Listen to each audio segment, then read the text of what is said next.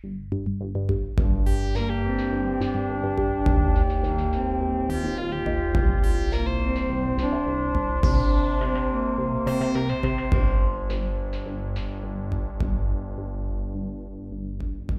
ni lyssnar på Filterpodden avsnitt nummer 86 och det är jag, Madeleine Polno, som är reporter på magasinet Filter och jag, Mattias Göransson, som är chefredaktör och reporter på samma ställe.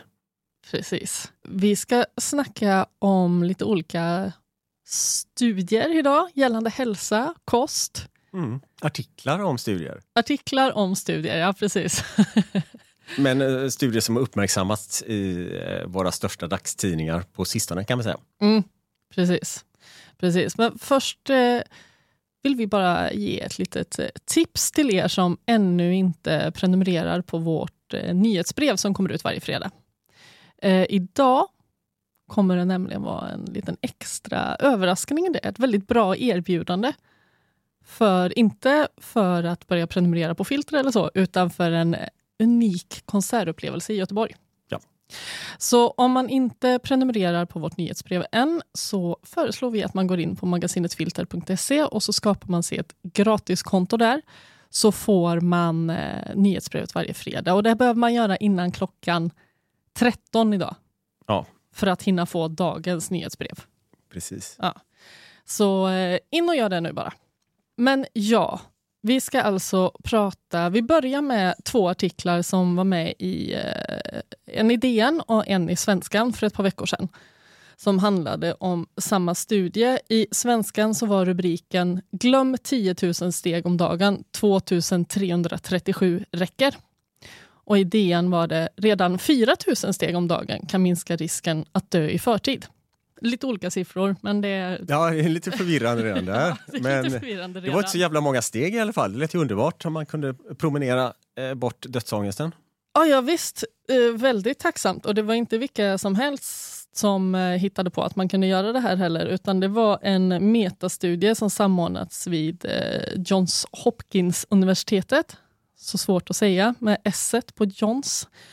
Där de hade då kollat på eh, 17 olika observationsstudier eh, där de hade tittat på hur mycket 226 889 personer rörde sig under i snitt sju år.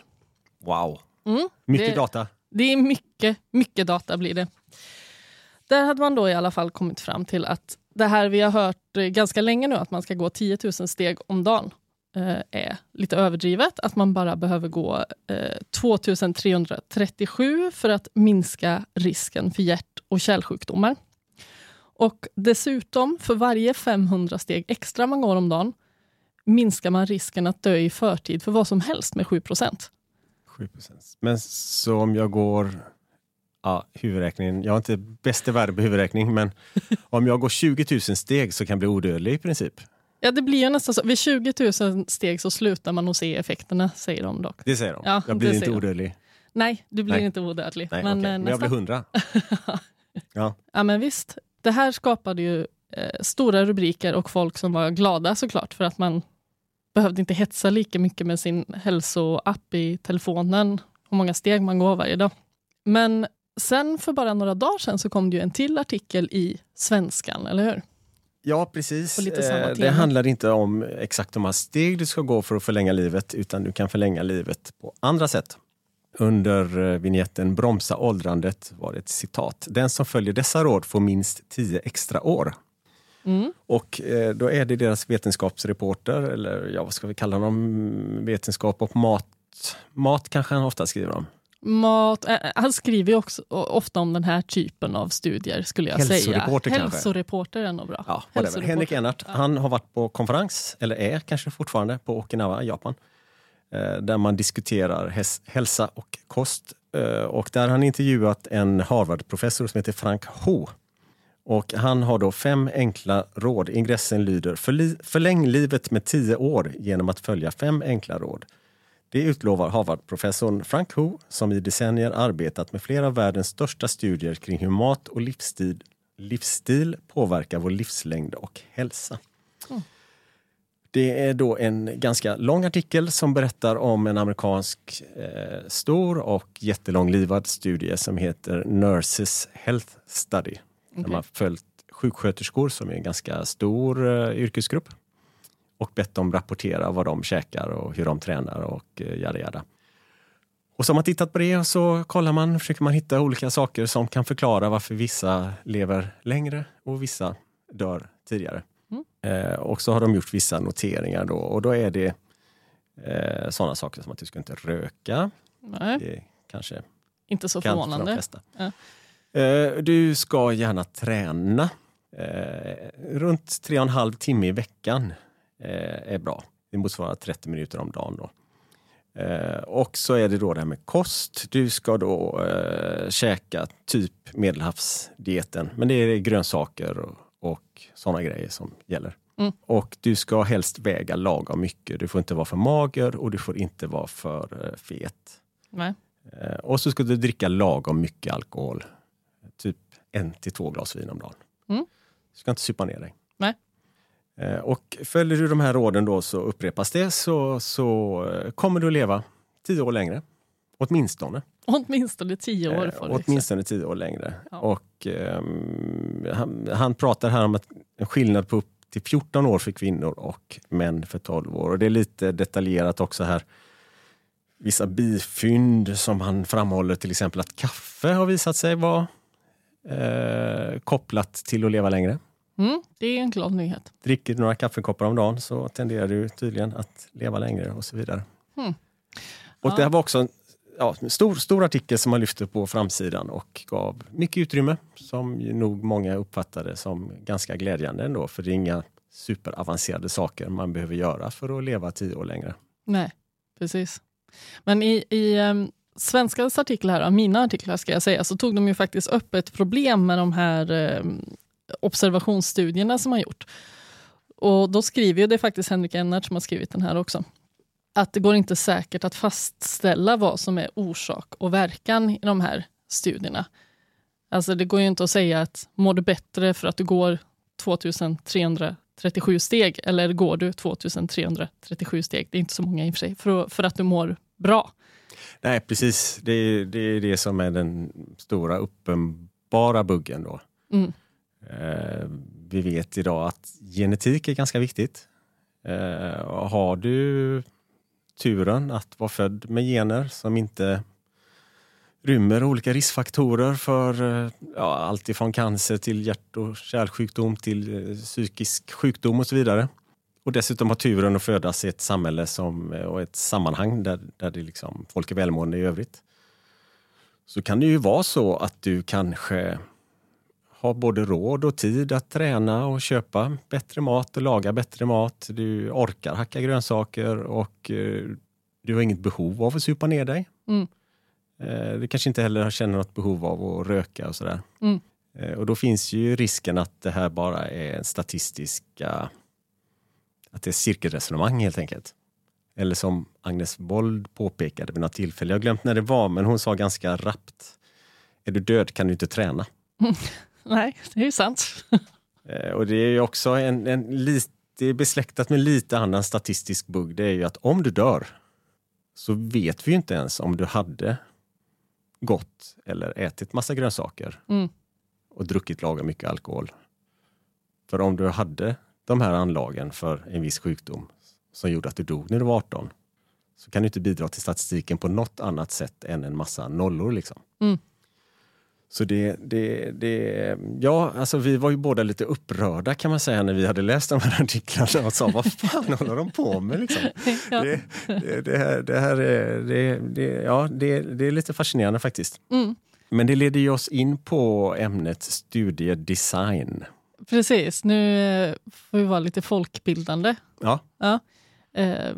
Berätta om olika sorters studier. Ja, precis. Det finns lite olika sorters studier och de brukar man rangordna då efter graden av evidens.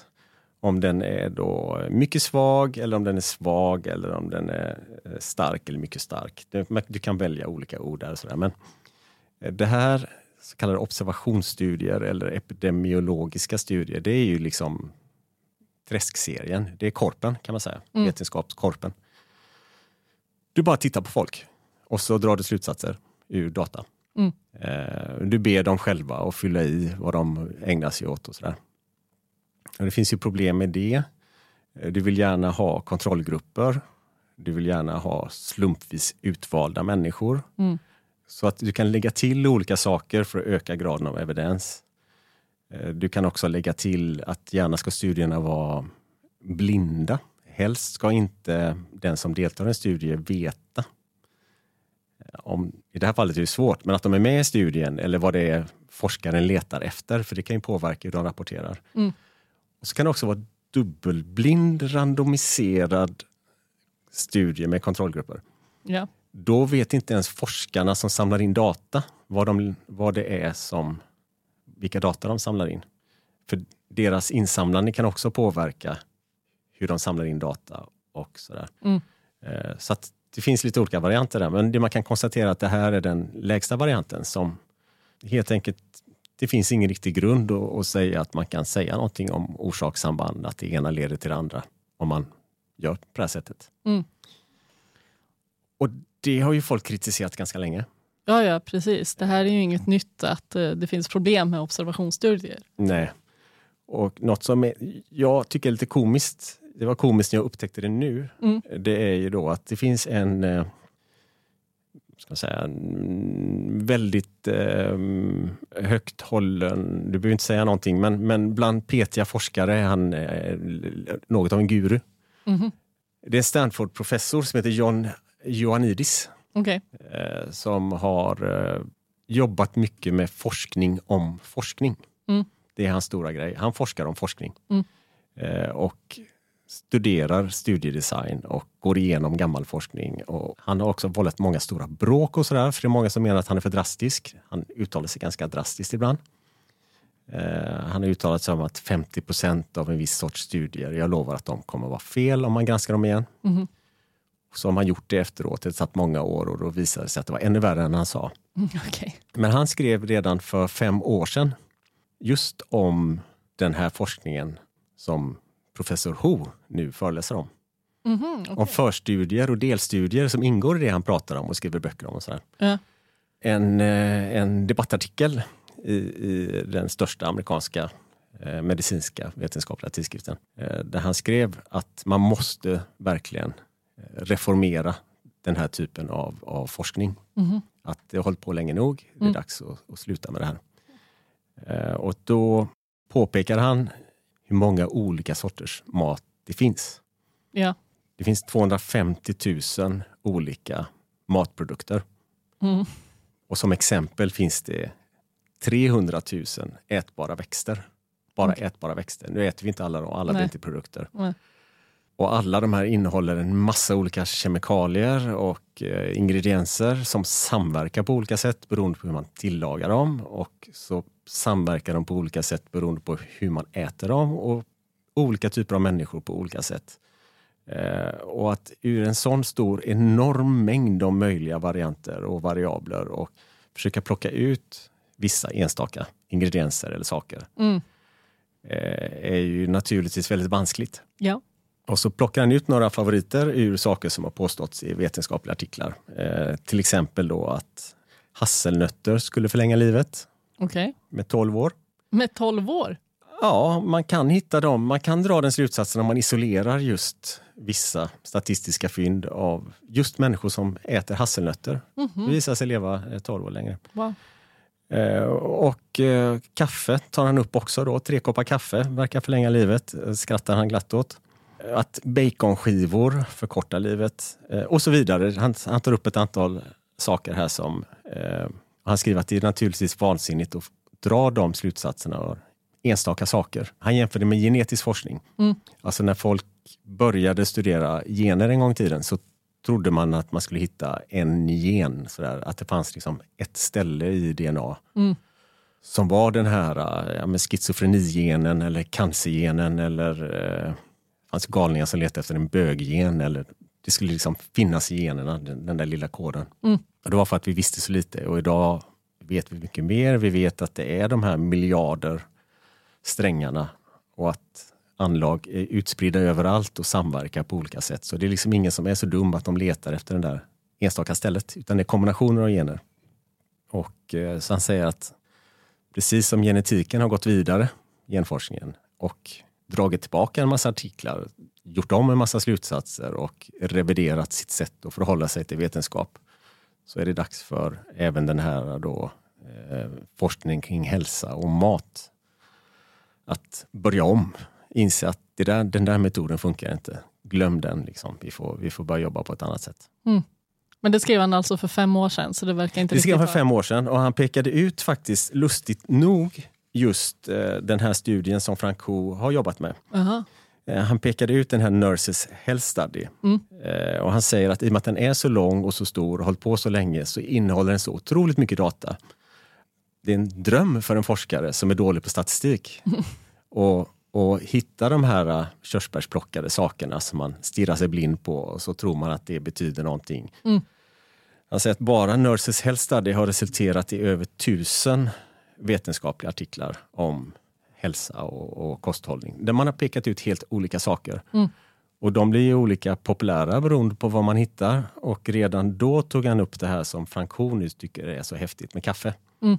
Eh, så tog han upp att den här lilla detaljen med kaffe som man hittade, eh, den ville folk väldigt gärna läsa om. Mm.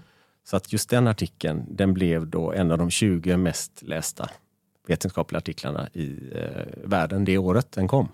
Det kan man ju tänka, alla kaffedrickare ville få det bekräftat att de gjorde rätt. Ja, absolut. Ja. Och eh, ja, men ja, vad ska man säga om det? Jag vet inte. Nej, men eh, jag tycker han har väldigt klokt argument eh, och som handlar om både eh, sannolikheter, rimligheter och, och men man kan söka på The Challenge of Reforming Nutritional Epidemiologic Research.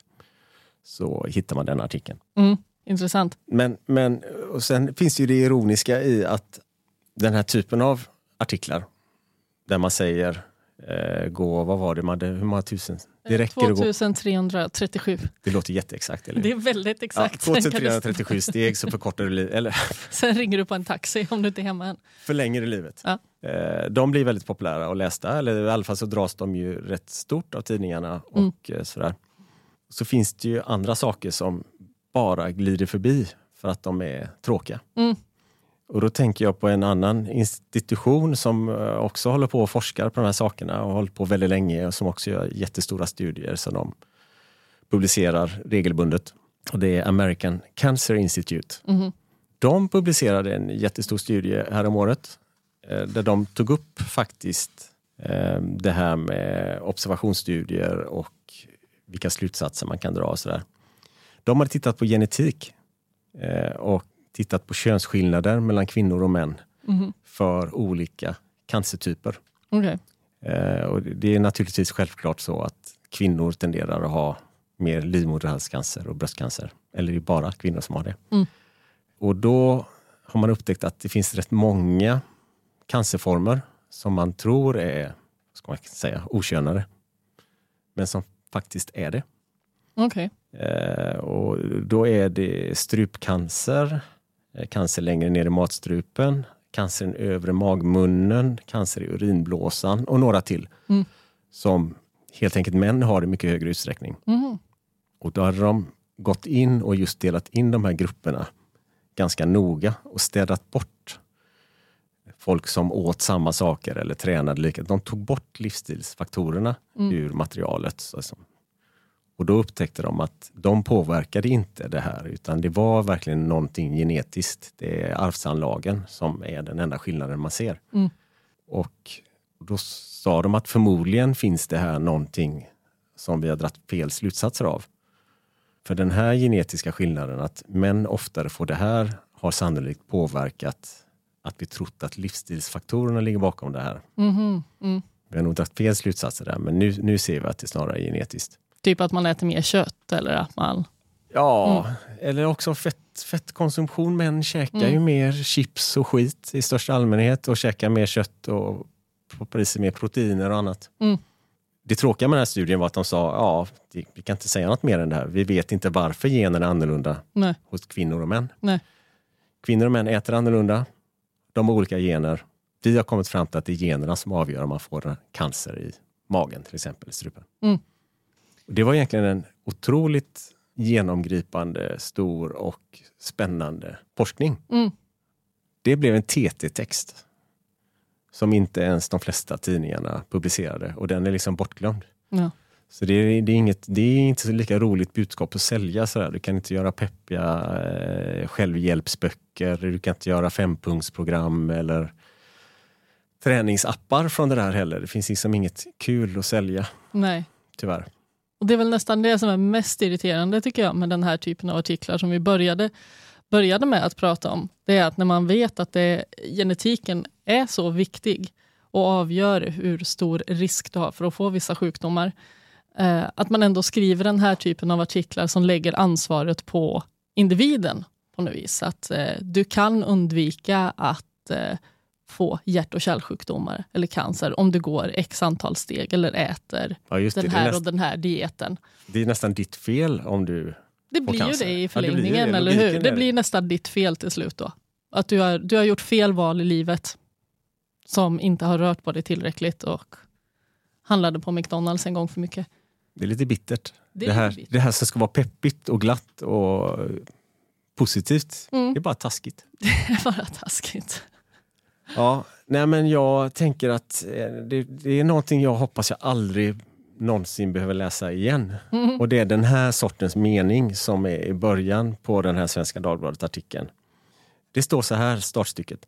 Det finns ingen magisk dietkur som passar alla. Men den som följer fem enkla råd kring mat och livsstil kan förlänga livet med minst tio år. Fria från kroniska sjukdomar. Ja, Hur fan kan man skriva så? Det borde vara förbjudet. det är väl det magiska ordet kan där. Du kan leva längre då. Ja, just det. Det kan. Ja, ja. Om du Ja. lyssnar på Filterpodden kan du leva Ja, men det, tio år men längre. Vi köra med det. Ja, nej, det är inte okej. Det är inte okej. Det är inte okej. Ja, med det säger vi tack för idag. Du kan även förlänga livet genom att läsa Filter som är ute nu. Ju. Eh, en eh, lång intervju med Annika Norlin. Eh, vi har ju pratat tidigare här i podden om eh, västafrikanska romansbedragare och industrin som ligger bakom. Och eh, även ett reportage om eh, havsbaserad vindkraft. Och tonfiskar, de dök ju upp i media häromdagen när det var fullt med tonfisk i eh, Öresund. Ja, visst, det såg helt sjukt Jag skulle säga bara läsa den tonfiskartikeln så kommer det förlänga livet med minst två veckor. och då hinner du lyssna på Filterpodden om två veckor. Just det. Ja, det är ju bra. Följ oss gärna på Spotify så att du inte missar eh, något avsnitt. Och hörs igen om två veckor. Hej då. Hej hej!